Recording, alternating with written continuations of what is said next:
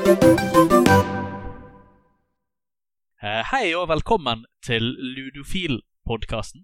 Spillbiblioteket sin podkast for spillelskere. Jeg heter Lasse, og jeg, det er jeg som er deres vert i dag. Og med meg har jeg mine venner i spilltime. Jeg kan ta og begynne med deg, Grim. Hallo, Grim. Hallo, eh, Lasse. Hyggelig at du er her. Jeg har òg med meg Pia. Hei sann, Pia. Hei, hei. Og sist, men ikke minst, har jeg med meg eh, adoptivdatteren til spilltime, Lene. God dag, Lene. Hei. Eh, det vi skal snakke om i dag, er spillmusikk. Og det er jo et tema som både engasjerer og fascinerer. Eh, men hva er, hva er greien med spillmusikk? Jeg kan ta og begynne med deg, Lene. Hva tenker du? Har du noen løse tanker om spillmusikk? Liker du det? Liker du det ikke? Har det noen spesiell verdi for deg? Hva tenker du om spillmusikk? Spillmusikk er jo ekstremt viktig for å skape stemning i spill, eh, sammen med f.eks. lydeffekter. Em, og ofte så har eh, litt sånn god bakgrunnsmusikk der òg en verdi hvis du trenger noe bakgrunnsmusikk til livet ditt generelt. Ja, Så det er veldig stemningssettende. Det er det du tenker da er de viktigste elementene for spillmusikk? Ja, egentlig. Ja, Hva med deg, Grim? Hva, er din, hva tenker du nå om spillmusikk generelt? Hva, hva er ditt forhold til spillmusikk? Eh, Mitt eh, forhold til spillmusikk er egentlig at jeg går inn i options. Når jeg, får, når jeg har fått installert et nytt spill, så går jeg inn i options. Finner jeg eh, eh, sound uh, musikkvolumet, så skrur jeg det helt ned. Det er Det er jeg sjelden- Det oi, det er hot takes i dag òg, altså. Det er, det sjeldent at jeg eh, setter pris på eh, eh, original eh, spillmusikk. Eh, det skjer veldig sjeldent, men de gangene jeg setter pris på det, da setter jeg skikkelig pris på det, altså. Det er, spillmusikk er utrolig viktig, og det kan sette humør veldig bra. Men det er òg derfor hvorfor jeg vanligvis setter av alt som har med musikk å gjøre. Fordi at da kan jeg sette på min egen musikk i bakgrunnen istedenfor, uh, som er bedre for meg å kunne bestemme mitt eget eh, humør når jeg spiller. Ja, Her kommer altså Grim inn med sterke hot takes og mye mye krydder allerede fra begynnelsen av, så dette her blir spennende å utforske videre. Men vi tar og lar det kontroversen ligge akkurat nå, og så går vi heller videre til deg, Pia. Hva tenker du med spillmusikk? Nei, jeg tenker jo litt som Lene, at det er med på stemningsskaping. Em, ja, litt som i film, egentlig, at det skal, det skal fungere godt sammen med det man ser, da. Og når det funker, så er, kan det gi store opplevelser. Um, men jeg tenker også at musikken er med på å skape minner knytta til spillet. At eh, det også henger sammen. Men det er jo litt sånn som med musikk generelt, at det ofte henger sammen med minner i livet. At musikken hjelper deg å huske. Ja, nei, det er absolutt så, så det er en ekstra kanal som, som knytter det til deg på en eller annen måte. Jeg er helt enig. Ja, men jeg har også erfart det som Grim snakker om, at eh, nei, her er det behov for å bare ta på null volum. Ja, det er jo mange spillopplevelser som egentlig ikke er så egnet for verken den musikken som de har laget, om det er god eller dårlig musikk, eller egentlig spillmusikk i det hele tatt, fordi du heller vil ha det til dine egne opplevelser. Typisk er jo MMORPG og sånt der du sitter og grinder i timevis, og du egentlig du bryr ikke deg så mye om hva som skjer i spillet, siden du prøver heller å nå et mål, og da er det greit liksom bare å tone ut spillopplevelsen med egen musikk og min egen spillopplevelse. Du sier jeg kommer med hot takes, eller så. ja, her snakker jeg da om å spille spill fordi du ikke har lyst til å spille spill. Det høres veldig baklengs ut, men prøv å spille et MMORPG, og du forstår hvor jeg kommer fra. Du. Eller du kan òg la være å spare deg den smerten. Men jeg kan uansett òg ta og se eh, hva mitt perspektiv på spillmusikk er. Eh, spillmusikk syns jeg er super, super viktig for eh, spillopplevelsen. Spillmusikk, eller musikk generelt, er jo veldig viktig for et følelsesmessig og stemningsbakteppe. Og det er jo sånn det typisk blir brukt i film spesielt. Men òg noe som det unikt har i spill, er jo å sette personlighet på situasjoner, personlighet på karakterer på en helt unik måte. For eksempel, altså, du slår jo av musikken i noen spillgrim. Eh, for eksempel, du spiller jo mye Street Fighter. Jeg får meg at du Mhm. ikke nødvendigvis bryr deg om Street Fighter-musikken. Men Street Fighter er jo også et flott eksempel på Altså hvert stage har jo sin stagemusikk, som da blir temamusikken til den karakteren. Du vet liksom når du hører Guile-musikken, så Ja, vet du at dette, du hører Guile Stage, så dette er noe du kjenner igjen. Det, har liksom, det skaper mer personlighet rundt karakteren Guile, pga. musikken forteller liksom litt om Å, han er en kul, han er litt rå. Den, altså, musikken har jo så mye personlighet i seg sjøl som tilfører et nytt nivå av forståelse til opplevelsen. Jo, og uh, Guile Theme Goes With Everything er jo, en, uh, er jo et eh, bra YouTube-søk man kan gjøre med noe etterpå. Uh, det, er absolutt eh, utrolig kul eh, melodi som eh, faktisk går med veldig mye. Både melankolske saker og eh, mer uh, upbeat eh, greier. Men én ting er også å sette på liksom en uh, tominutts uh, uh, musikkloop eh, når jeg føler for det. En annen ting er også å høre den eh, fire timer i strekk. Ja, for det er jo sånn det gjerne blir, at det blir repetitivt gjentagende fordi du hører den på gang på gang på gang. på gang på gang. Og hvis du f.eks. skal øve komboene dine med Guile, så blir det kanskje litt kjedelig å høre da Guile sitt theme Yep. i fire timer i strekk. Jepp. Det er det, Dette kommer jo sannsynligvis mye fordi at jeg spiller en del uh, eh, spill som krever eh, mekanisk øving i spillet for å kunne bli bedre. Og det krever tid, og det betyr òg at eh, jeg er nødt til å høre på samme musikken om igjen og om igjen og om igjen, hvis ikke jeg slår på en annen form for musikk. Ja, det kan jeg egentlig tenke at musikk, altså sånn som jeg forstår det fra hva dere sier, så er det viktig liksom for stemning og historiefortelling, men altså for gameplay i seg sjøl så kan det til tider være distraherende, og derfor velger man kanskje å mute det, fordi altså det kommer Istedenfor å støtte opp under spillopplevelsen eller fortellingen, så vil det da være mer i veien, eller bare, bare Det vil være et element som man ikke ønsker. Ja. Men vi kan ta og gå videre. Vi har jo snakket litt om eh, spillmusikk nå, eh, så jeg tenker vi heller nå skal ta og gå inn på en spesiell spillopplevelse som er knyttet til musikk som dere har hatt. Eh, jeg snakket jo nettopp med deg, Grim, så du kan jo gjerne fortsette. Hva har du der å fortelle meg? Spesiell musikkopplevelse knyttet til musikk. Eh, Det er eh, Det er vanskelig å eh, snakke om spill og spillmusikk og spesielle opplevelser uten å så nevne Guitar Hero, da. Eh, Og eh, ja, det er jo Hvor går man fra der? Eh, Det har vært veldig mye gøy. Mange gøye timer har gått med i å spille på min liksom-gitar til skikkelige sanger og ja, treffe de riktige punktene, sånne koordinasjonsøvelser. koordinasjonsøvelse. Ja, Guitar Hero og rockband og tilsvarende spill er jo kjempe, kjempegøye, for de tar jo og blander disse her, altså vanlige vanlig musikkopplevelser i gåseøyne, med skik altså skikkelig musikk, Ok, dette høres litt nedlatende ut å kalle det skikkelig musikk når man snakker om spillmusikk, for min spillmusikk er jo så klart òg skikkelig musikk. Eh, det var ikke ment å insinuere noe annet. Eh, men dette her er da musikk som eksisterer uavhengig av spill, som man da trekker inn i en spillsammenheng. Og at man da knytter det til en spillmekanikken du skal spille dette her med en plastgitar, gjør jo man får en helt ny opplevelse med det. Uh, du altså, Spiller du mye av dette her, eller er det egentlig bare noe du gjør på, på fritiden for å hygge deg? Er, det, er du liksom like hardcore med Guitar Hero-spillingen som du er med, med Street Fighter? Uh, nei, det er Gitar Hero har vært eh, Jeg har ikke spilt gitarhero på mange, mange, mange år.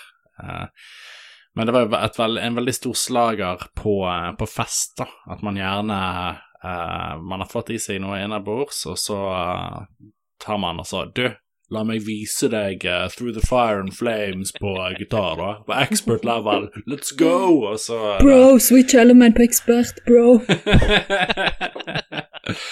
ja, nei, så det var mye det. Pluss at på den tiden når det, det var mest populært, så jobbet jeg òg på GameStop på Lagunen, og der hadde vi en sånn stasjon, sånn publikumsstasjon, der de kunne stå og spille gitarhero. Da. Og da var det et, eh, et lite vennepar som, som var innom ganske ofte. Eh, og de drev hele tiden og så prøvde de vanskeligste sangene på de vanskeligste nivåene. Og eh, på et tidspunkt så prøvde de seg der liksom den ene spilleren holdt på tangentene for gitaren, mens den andre spilleren styrte kun den spaken du tar opp og ned for å så ta liksom strengene, da. Det var eh, mye, mye moro har kommet ut av eh, Guitar Ja, Det høres ut som du hadde muligheten til å faktisk øve deg og spille og ha det gøy med Gitar i mens du ble lønnet, men sånn var det vel dessverre ikke, var det? Nei, det, Det er vel sjelden sånn det er. Sjøl vi i spillteamet har dessverre ikke tid til å spille spill på jobb, om enn vi skulle ønsket vi hadde gjort det. Eh, Hva med deg, Pia? Har du eh, spilt Gitar Hero eller Rockband eller noe tilsvarende spill? Jeg mener at jeg har vært borti rockband. Jeg tror broren min hadde det. Men jeg har ingen store minner knytta til det. Eh, Men jeg husker også at jeg var innom Singstar. Jeg vil liksom si at det er i samme sånn absolutt. Ja, det, det er helt i samme kategori. Ja, og da husker jeg at jeg fikk det ikke til, fordi at eh, jeg prøvde å synge fint. Men eh, hvis man da heller bare fokuserer på å holde tonen like lenge som man skal, og Altså, det var ikke noe poeng å prøve å liksom, lage noe uttrykk. Du skulle på en måte være så midi som mulig i stilen. Da fikk du det til. Det er liksom det jeg husker med Singstar. Eh, men jeg, jeg må si jeg har ikke vært eh, Jeg spilte liksom musikk utenom spill. Ja, nei, Det husker jeg òg. Jeg har jo vært med på noen eh, Singstar-fester i løpet av eh, min tid på jorden. Eh, og det er som du sier, altså, spillet handler mer om å treffe pitchen til artisten. Spillet treffer om å holde tonen like lenge som artisten. Det handler ikke liksom om å synge sangen og gjøre den til sin egen. Det handler om å imitere lyduttrykket til artisten. Ja. Og da forsvinner jo mye av sanggleden for meg, iallfall. For jeg vil jo ikke nødvendigvis synge som Beyoncé. Jeg vil synge hun sin sang som en, som en full, gammel sjømann. Det er så mye gøyere for meg. Og da får du så klart lite poeng i spillet. Samme problemet er det jo med Guitar Hero, Rockman osv. når du synger der. Eh, så det kommer jo så klart med sine problemer når man prøver å gjøre dette til et, et sånn maskinelt system som dette her. Den, Har du eh, brukt noe så... Oh, beklager. den eh, populære metoden å, å vinne i Singstar på, var jo bare å nynne istedenfor å faktisk synge. Ja, nei, det var sånn Jeg husker jeg kom meg gjennom en del av de vanskeligere lydsporene på rockband. Det var jo så klart at dette her er sanger jeg på ingen måte klarer å synge, men hvis jeg da nynner de i rett pitch, så aksepterer spillet inputen, sånn at vi ikke blir game over. Og det føles jo veldig Altså, man gamer systemet, det er jo et spill, dette, altså. Men man gamer systemet uten egentlig å gjøre liksom the spirit of the game. Så liksom, du skal synge, du skal ha en kul rockeopplevelse. Og det er jo litt kjipt, egentlig. Ja. Har du eh, spilt eh, rockband eller noe tilsvarende noe særlig, du, Lene? Jeg har både spilt Singstar og eh, egentlig hatt de samme problemene som Pia. Så jeg, egentlig har jeg bare negative assosiasjoner til Singstar. Um, jeg husker jeg ble vekt veldig tidlig en gang jeg var ute ganske seint kvelden før av eh, min søster som sang Stingstar. Eh, ikke så veldig bra. Ikke så gode følelser knytta til Singstar, egentlig. Mer gode følelser knytta til Guitar Hero, for det har jeg spilt mye. Eh, men egentlig den beste måten å eh, synge sammen på fest, hvis du skal lage et spill ut av det, eh, og bare sette på YouTube, og så synge med YouTube. Helt genialt. det er jo det at altså, Siden spillet skal på en eller annen måte lese inputen din i det poeng, så blir det jo veldig maskinelt. Det skal liksom holde seg til en eller annen standard. Så et system som heller verdsetter karaokegleden, tenker jeg, hadde vært mye gøyere i en festsammenheng enn hvordan det blir gjort i det spillet. Iallfall for min del skyld. Eh, Men hvis dere for eksempel, eh, for eksempel så jeg beklager eh, Grim, du nevnte jo her nå at det er lenge siden du har spilt rockband. Ja. Eller gitarhero, var det i ditt tilfelle. Ja, Hvis du har lyst til å gjenoppleve, gjenoppleve den gleden, og du fremdeles har den plastikkgitaren liggende, så finnes det jo på PC nå et open source-spill som heter Clone Hero. Der det bare er å plugge gitaren i PC-en, og så kan du spille da gitarhero-sanger og Rockband Hero-sanger Aha. på PC-en. Så det er absolutt noe å teste. Jeg har funnet fram en gammel rockband-gitar. Jeg har funnet fram rockband-trommen, så du kan spille på beta-versjon. Eh, Jeg har plaget naboene mine kjempemye, og jeg har det kjempegøy. Så det er verdt å besøke. Andre ting det går an å gjøre med en sånn rockband-gitar, er å spille Dark Souls på den hvis du eh, jailbreaker alt og modder. Jeg satt en Twitch-streamer som spilte med en Rock Hero-gitar, og spillet var liksom opp ned, og kontrollene var speilvendt. Bare helt sånn Ja, det er mange kreative måter å spille et spill på. Jeg har jo fått med meg at din samboer, Lene, er ganske glad i Dark Souls og Dark Souls-universet. Nå vet jeg ikke hvor mye dere spiller det der hjemme, men eh, spiller dere med gitar på Dark Souls? Nei. Er det, ligger det på plakaten? Eh, nei. Ja.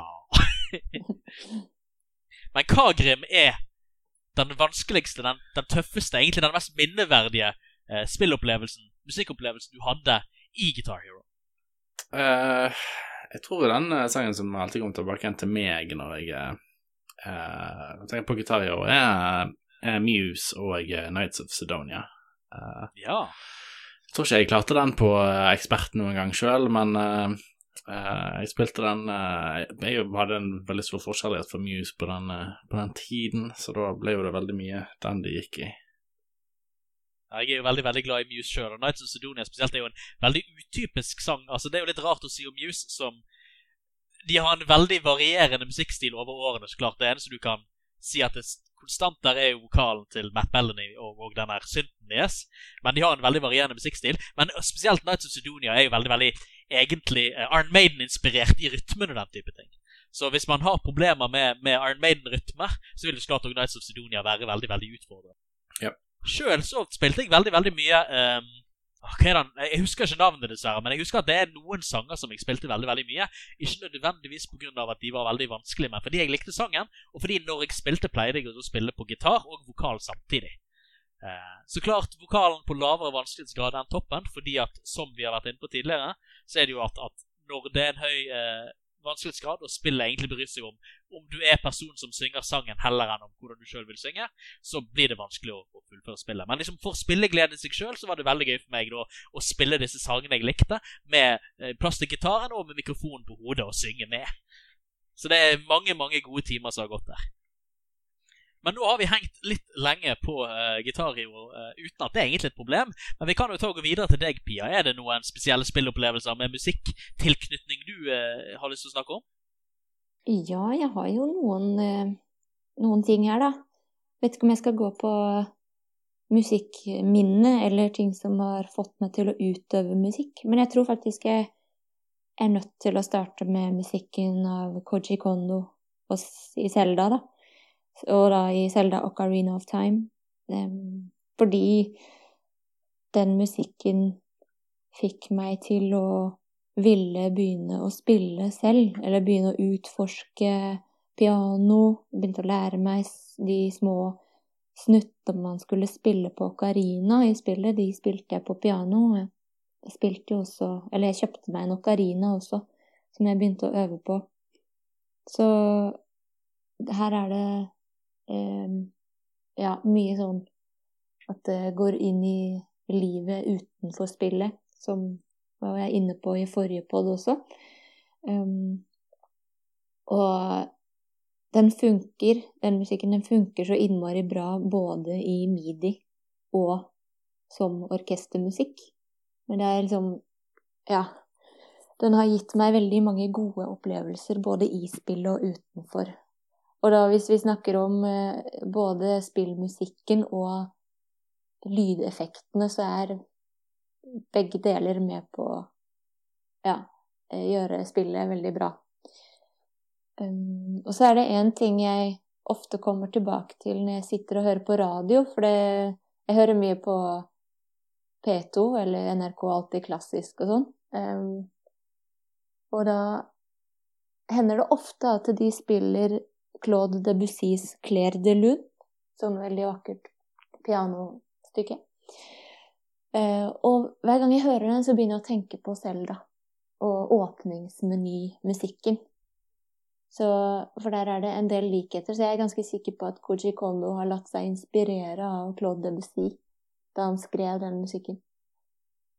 Ja, det er så klart utvilsomt at veldig mange gode spillkomponister, spillmusikkomponister, har blitt inspirert av andre musikere, da så klart de klassiske. Ja. Eh, hvis dere som hører på denne podkasten er usikre på hva vi snakker om, så eh, er det bare å se nede i beskrivelsen på eh, podkasten her. Her har vi lagt ut en YouTube-playlist med linker da til den type musikk, eller den musikken vi snakker om i denne episoden. Så den er det kanskje greit å ha på på lavt volum i bakgrunnen mens vi snakker.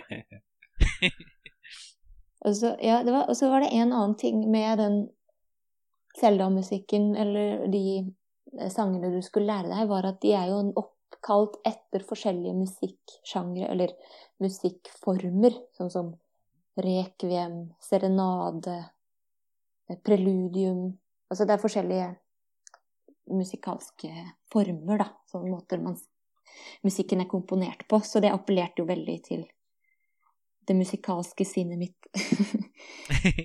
ja, du har jo Du tok jo deg eh, Du endte opp eh, som musikkutdannelse, eller det var jo der du eh, tok din utdannelse nå i nyere tid. Ja.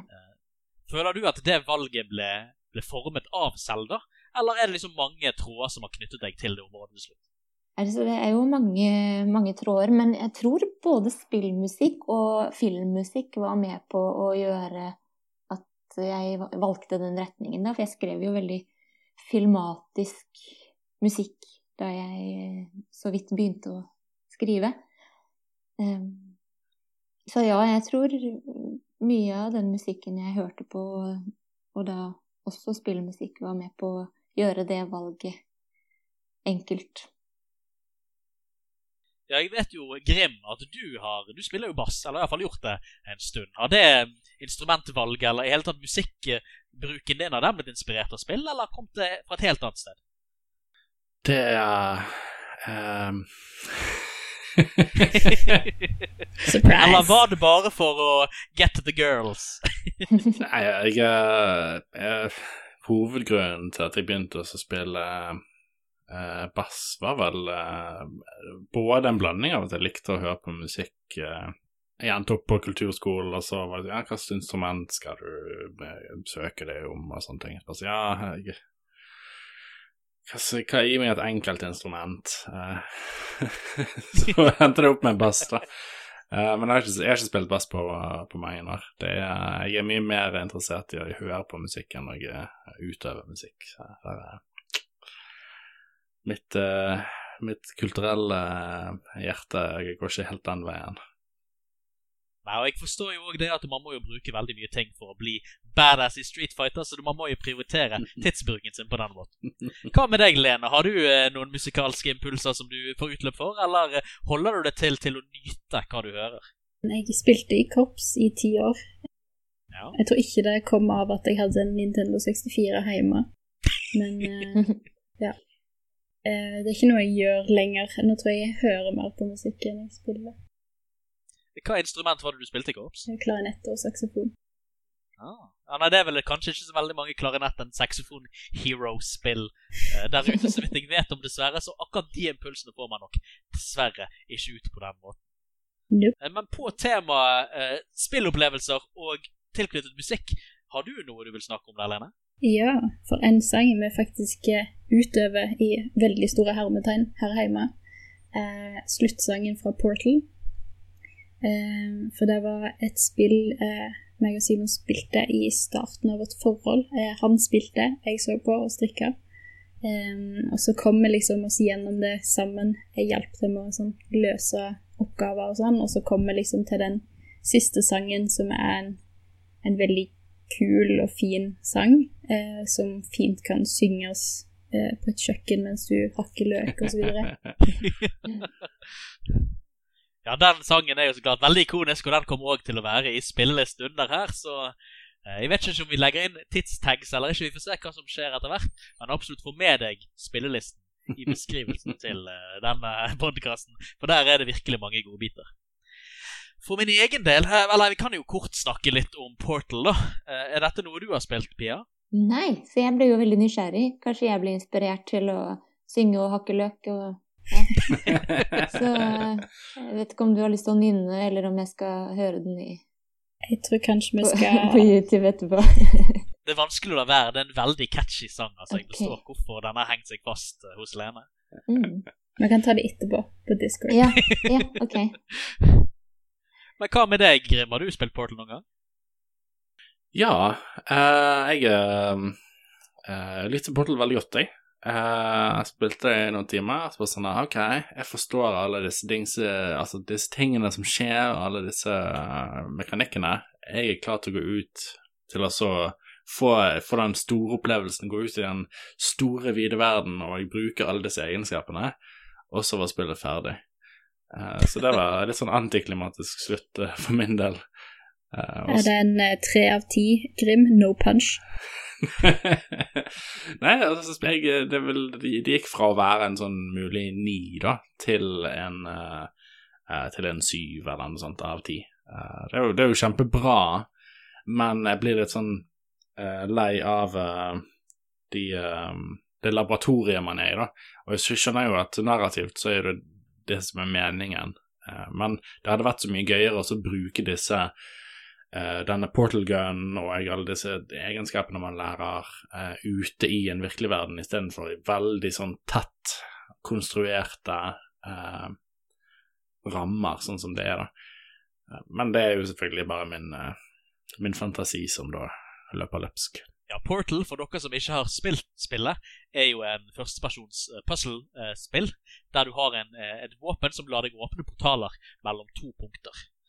Så det er da veldig veldig spennende fra et designperspektiv, for dette er veldig unikt. Men òg selve spillet har en veldig spennende historiefortelling, med en interessant plot twist i løpet av fortellingen. Så hvis du ikke har fått med deg Portal, eller oppfølgeren Portal 2, så er det absolutt noe du burde snuse på og få med deg Eh, at det eksisterer. Eh, det er et spill som egentlig eh, er egnet for alle.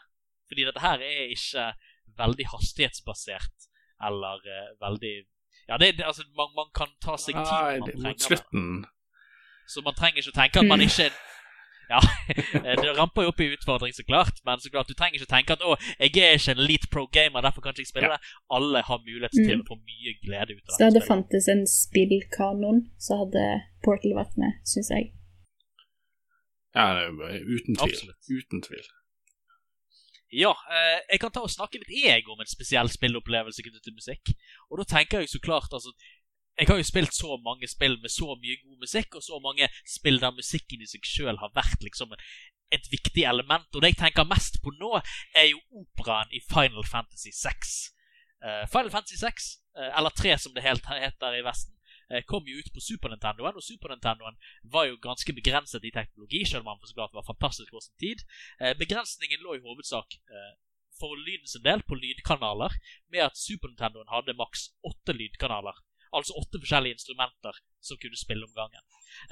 Flesteparten, eller to eller tre av de var så klart knyttet til spilllyder, altså som systemlyder og den type ting. Så instrumentene var begrenset til fire-fem om gangen.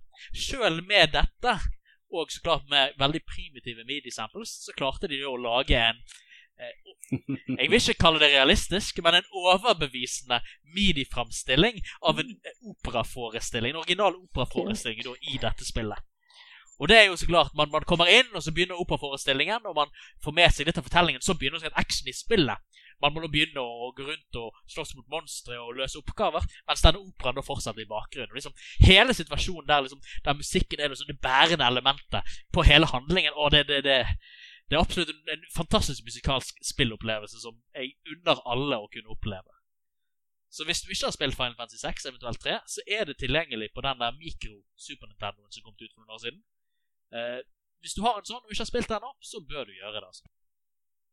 Er det noen andre av dere? Grim, har du spilt Final Fantasy 6 noen gang? Nei, det er Final Fantasy har aldri helt vært uh, min sak. Det er Jeg har en sånn øvre grense på sånn Jeg bruker mer enn 20 timer på spillet. så, så, altså historien i spillet. Så uh, er det nok litt for langt for min del. Ja, du, Lene, vi har jo snakket tidligere om at du heller ikke hadde spilt noen av Final Fantasy-spillene. Men etter denne beskrivelsen av operaen, føler du at operaen i seg sjøl er et selling point for Final Fantasy? Jeg tror jeg kan eh, sjekke det ut på YouTube. ja, det, det, er sikkert like greit. Jeg tror jeg, Det høres interessant ut og så hører jeg hvordan operaen endte opp med gjennom midi uh, Ja, det fikk jeg også lyst til å greiene. sjekke ut. jeg ser for meg at altså Operaen er jo tekstet i spillet mens man ser den. Eh, så lyden, altså midi-vokalen, er jo tekstet med faktisk tekst. Så man liksom kan høre ok, jeg kan, kan, forstå hvor melodien skal gå her. Hvis du kun hører eh, sangen for seg sjøl, så vil jo du egentlig ikke forstå mye utenom at det høres ut som her er en vokalaktig lyd. Så skal du se YouTube-videoen, pass på at du får med deg en med tekst. Eh, denne her er jo òg faktisk laget eh, opera av seinere. Altså de har laget operaframstilling av musikken seinere. Så den er jo òg verd å få med seg, for dette her er jo superkult. Og at liksom vi som at spillet går utenfor sine egne rammer, og liksom da blir tatt inn av, av av verden i sin helhet og liksom gjort til et enda større kulturuttrykk enn det det allerede er. Og Det er jo superkult òg. Men det er uansett en apropos langt til siden hvor poenget skulle komme, med at dette her var en stor opplevelse. Hva med deg, Pia? Er du glad i opera generelt sett? Ville spillopera vært noe som, som, du kan se for deg kan være spennende? Ja, jeg tror faktisk at spillopera vil være hakket mer aktuelt for meg enn opera Sånn vanlig opera. Jeg må si at det er den sjangeren jeg Eller den sceniske musikkformen jeg kanskje har litt, litt vanskelig for å engasjere meg i, da. Så jeg har jo sånn abonnement i Harmonien, eller hadde. Nå er det jo ferdig for i år. Eh, men da husker jeg vi alltid bytta ut operakveldene med andre datoer.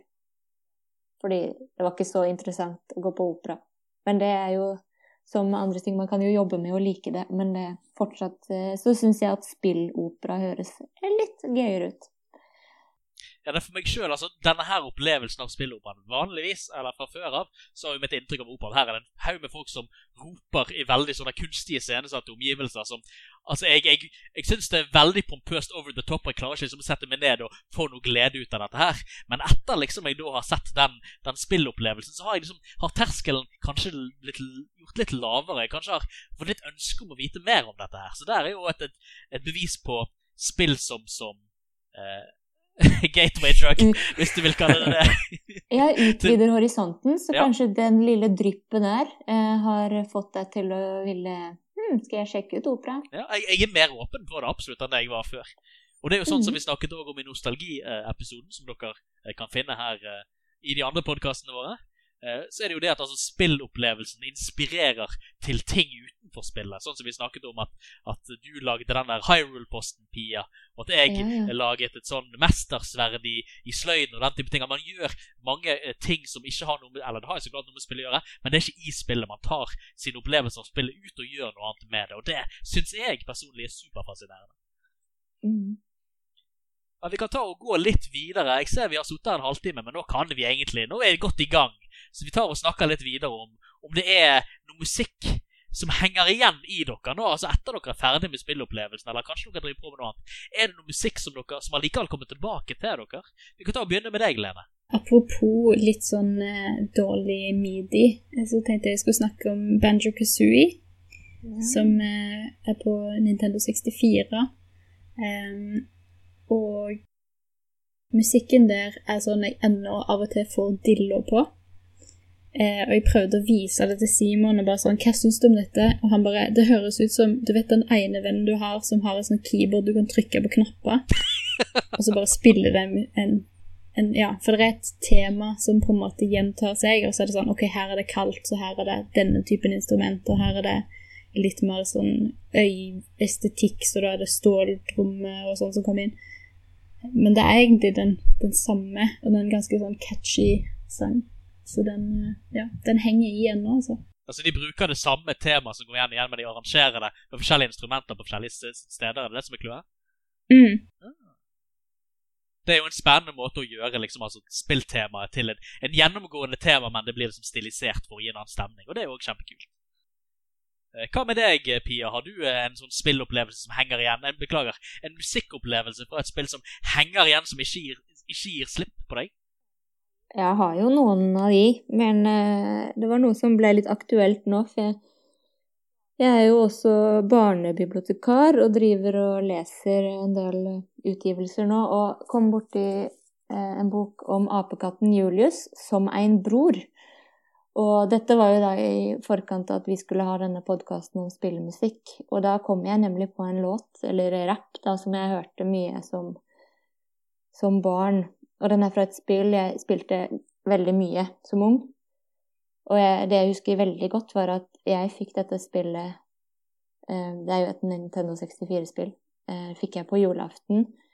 Og det var en stor opplevelse, for den julaften så var det bare jeg som fikk dataspill, ikke broren min. Så, så jeg ble så stolt av at det, var, at det var mitt spill. Og den store gleden med å få Donkey Kong 64, den var enorm.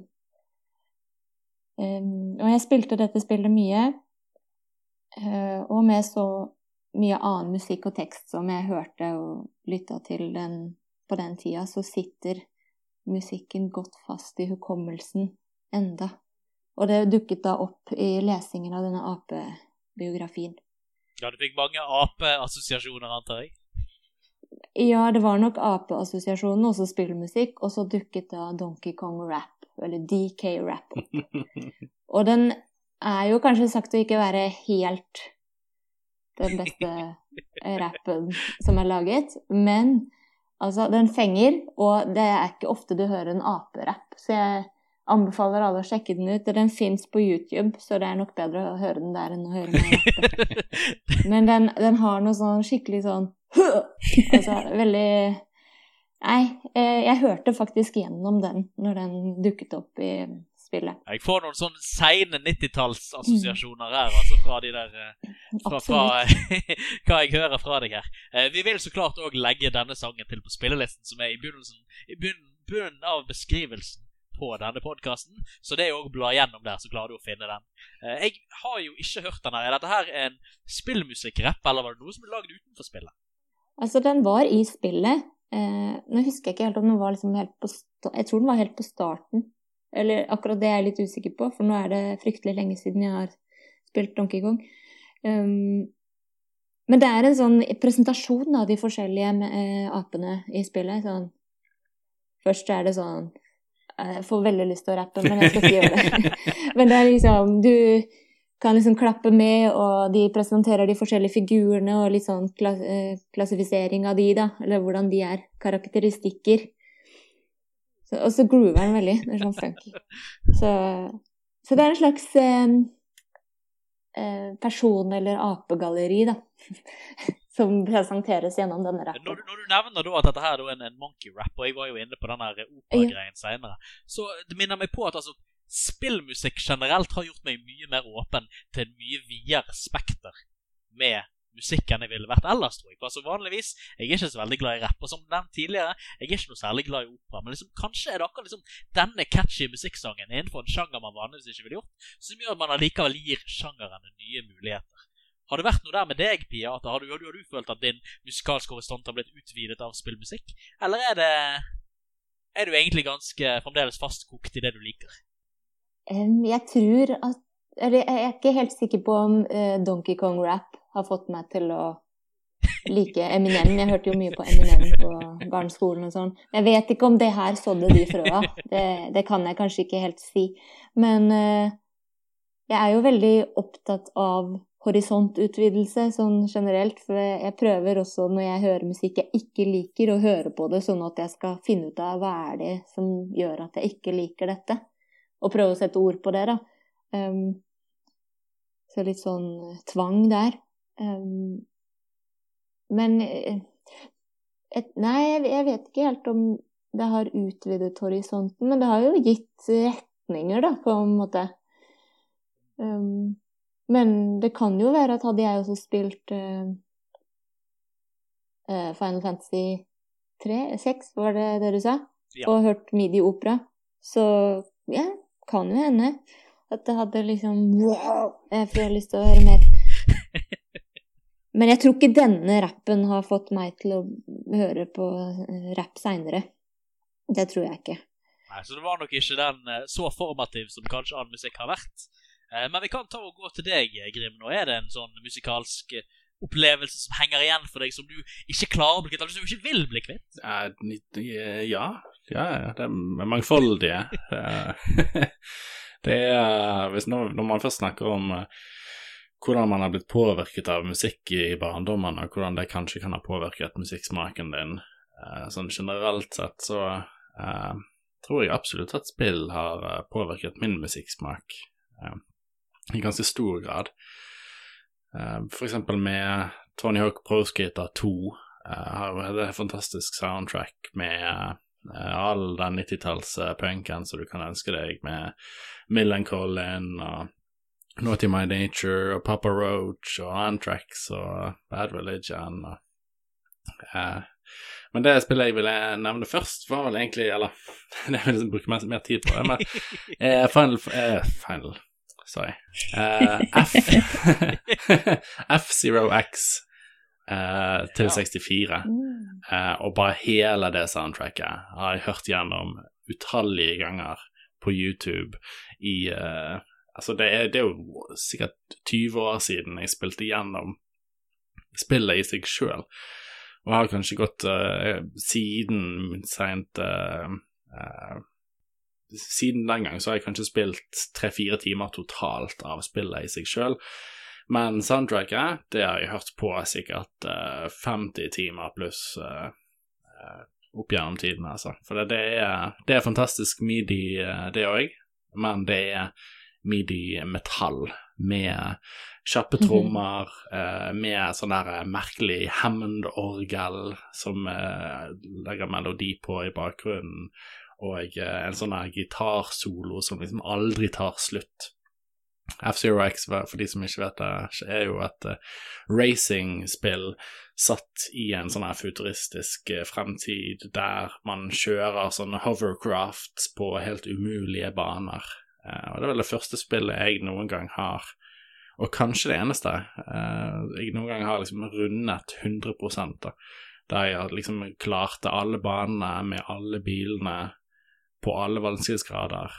Uh, og jeg tror i hovedsak det er på grunn av uh, soundtracket at jeg har orket å gå tilbake igjen til det, fordi at det var bare så, så dritbra. Ja, du sa uh, F-Zero. Var dette her på Super Nintendo, eller var det seinere konsoller? Det var på 64. F-Zero X er 64-versjonen, mens F-Zero er SNES-versjonen. Jeg har eh, ikke spilt SNES-versjonen, selv om jeg har hørt mye bra om det. Og så spilte jeg litt av GameCube-versjonen, F-Zero GX, men uh, ja. Det hadde det føltes ikke riktig ut, så jeg tror musikken hadde mye med det å gjøre, altså. Nei, Det har jeg òg merket. altså, at Det føles ikke rett ut når jeg går tilbake til en del av de spillene som jeg hadde gode opplevelser med før. Så er det liksom altså gameplayet Spillverden, min forståelse av hvordan gameplay skal være, har utviklet seg forbi det jeg spilte da, så det blir ikke så gøy å spille det igjen. Men musikken holder allikevel kvalitet. Musikken foreldes ikke, virker det som. Så der er det en eller annen altså Musikken har en evighet som, som spillmekanikken kanskje ikke har, og det er jo òg interessant, syns jeg. Det er mye interessant i ja. spillverdenen i dag, det er vel det vi kommer fram til her. Yep. Nå har vi egentlig sittet her ganske lenge, og det er superbra. Det er bra vi hadde mye å snakke om. Men før vi gir oss, tenker vi skal ta et kort, kort bonusspørsmål som Lene foreslo her. Jeg er fremdeles litt usikker på han. Eh, men det du spurte om, Lene, var jo hva syns dere den ville vært den verste sangen å ha som vekkerklokke? vi kan ta og begynne med deg, Lene, siden det var du som kom med dette spørsmålet. her. Eh, veldig lenge så hadde vi i hermetegn uh, Ornstein and Smaug bossfight som vekkerklokka på full volum. Det var helt jævlig. Var, var, dette før eller etter, var dette før eller etter dere hadde tatt bossfight? eh, det, det, er fordi Simon får så adrenalinboost hver gang han hører den musikken, at han tenkte at det ville hjelpe han med å våkne. Men det det gjorde, var jo bare at det skremte meg våken hver morgen. Og bare sånn åh, Ja, jeg tenker det ville vært en fin måte å skape negative assosiasjoner rundt en bossfight som allerede er ganske kjip. Så det vil nok sikkert ikke hjelpe med utførelsen. hva med deg, Grim? Har du noen uh, verste, verste, ideer på hva du kunne hatt som vekkerklokke av spillmusikk? Jeg vil kanskje den eh, Det blir vel kanskje ikke musikk som sådan, men eh, når, eh, når, du i Silent Hill-spillene skifter fra den virkelige verden til den other side, så har du gjerne en sånn alarm som ljomer, og så kommer det mye sånn banking av stålinstrumenter på tomme tønner og den slags. Det høres ut som en ting du ikke har lyst til å våkne til. Ja, Det høres ut som du våkner veldig veldig forvirret og sikkert ikke så glad med alle de assosiasjonene du får fra Silent Hills da. Ja. Men at du da våkner fra den virkelige verden til den surrealistiske alternative verden, altså må i den våkne verden, høres jo ganske passende ut. Det, det er helt riktig. hva med deg, Pia? Hvis du skulle satt, satt en vekkerklokkesang eh, fra spillsangenes verden, hva ville du gjort hvis du virkelig ønsker å straffe deg sjøl? Det, det syns jeg var et veldig vanskelig spørsmål. Um, kom litt bardust på, så jeg har liksom ikke fått tenkt så nøye gjennom det. Men jeg vet jo at uh, når jeg spiller Pokémon Shield på på Switch.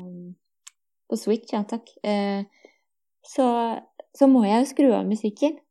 Uh, fordi det blir litt masete. Så kanskje Kanskje at liksom et sånn gjennomgående Pokémon-lyd hadde vært litt irriterende. Bortsett fra altså jeg, jeg ville gjerne hatt den derre lyden når man healer Pokémonene. Den kunne jeg gjerne hatt og blitt glad av. Den kling, kling, kling, kling, kling. Den er veldig søt. Um, så jeg har egentlig mer lyst til å vri spørsmålet til hvilken ville du helst hatt? ja, og da er det den Pokémon-lyden, altså? Ja, ja den uh, healer-lyden kunne jeg hatt, men uh, hvis jeg skulle vært uh, kjip mot meg selv, så ville jeg kanskje bare hatt sånn generell eh, gå rundt i Pokémon-verden-lyd. ja. Ja, nei, for min egen del, jeg sniker meg egentlig litt ut av spørsmålet, fordi at jeg kan først begynne med at som mobilringetone eh, for noen år siden så hadde jeg da den ene Starcraft Tarn temamusikken, Eh, og den var jo kjempe, kjempekul. Når mobilen ringte, så fikk jeg den. av kjempekul musikk.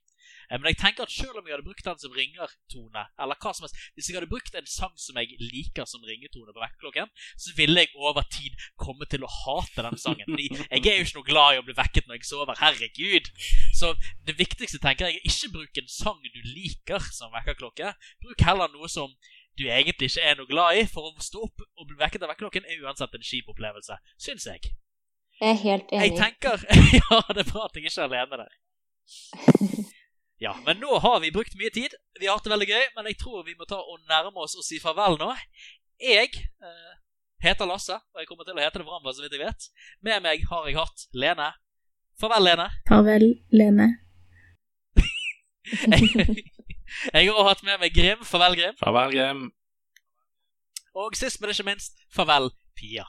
Farvel, Pia. Det hørtes utrolig grimt ut her på slutten. Vi tar så klart ikke farvel, men vi ses igjen på neste podkast. Eh, og vi snakkes da. Husk, som sagt, å se eh, etter playlisten på bunnen av beskrivelsen til denne podkasten, så kan du høre gjennom all den gode musikken vi har snakket om her. Så til neste gang, takk og farvel.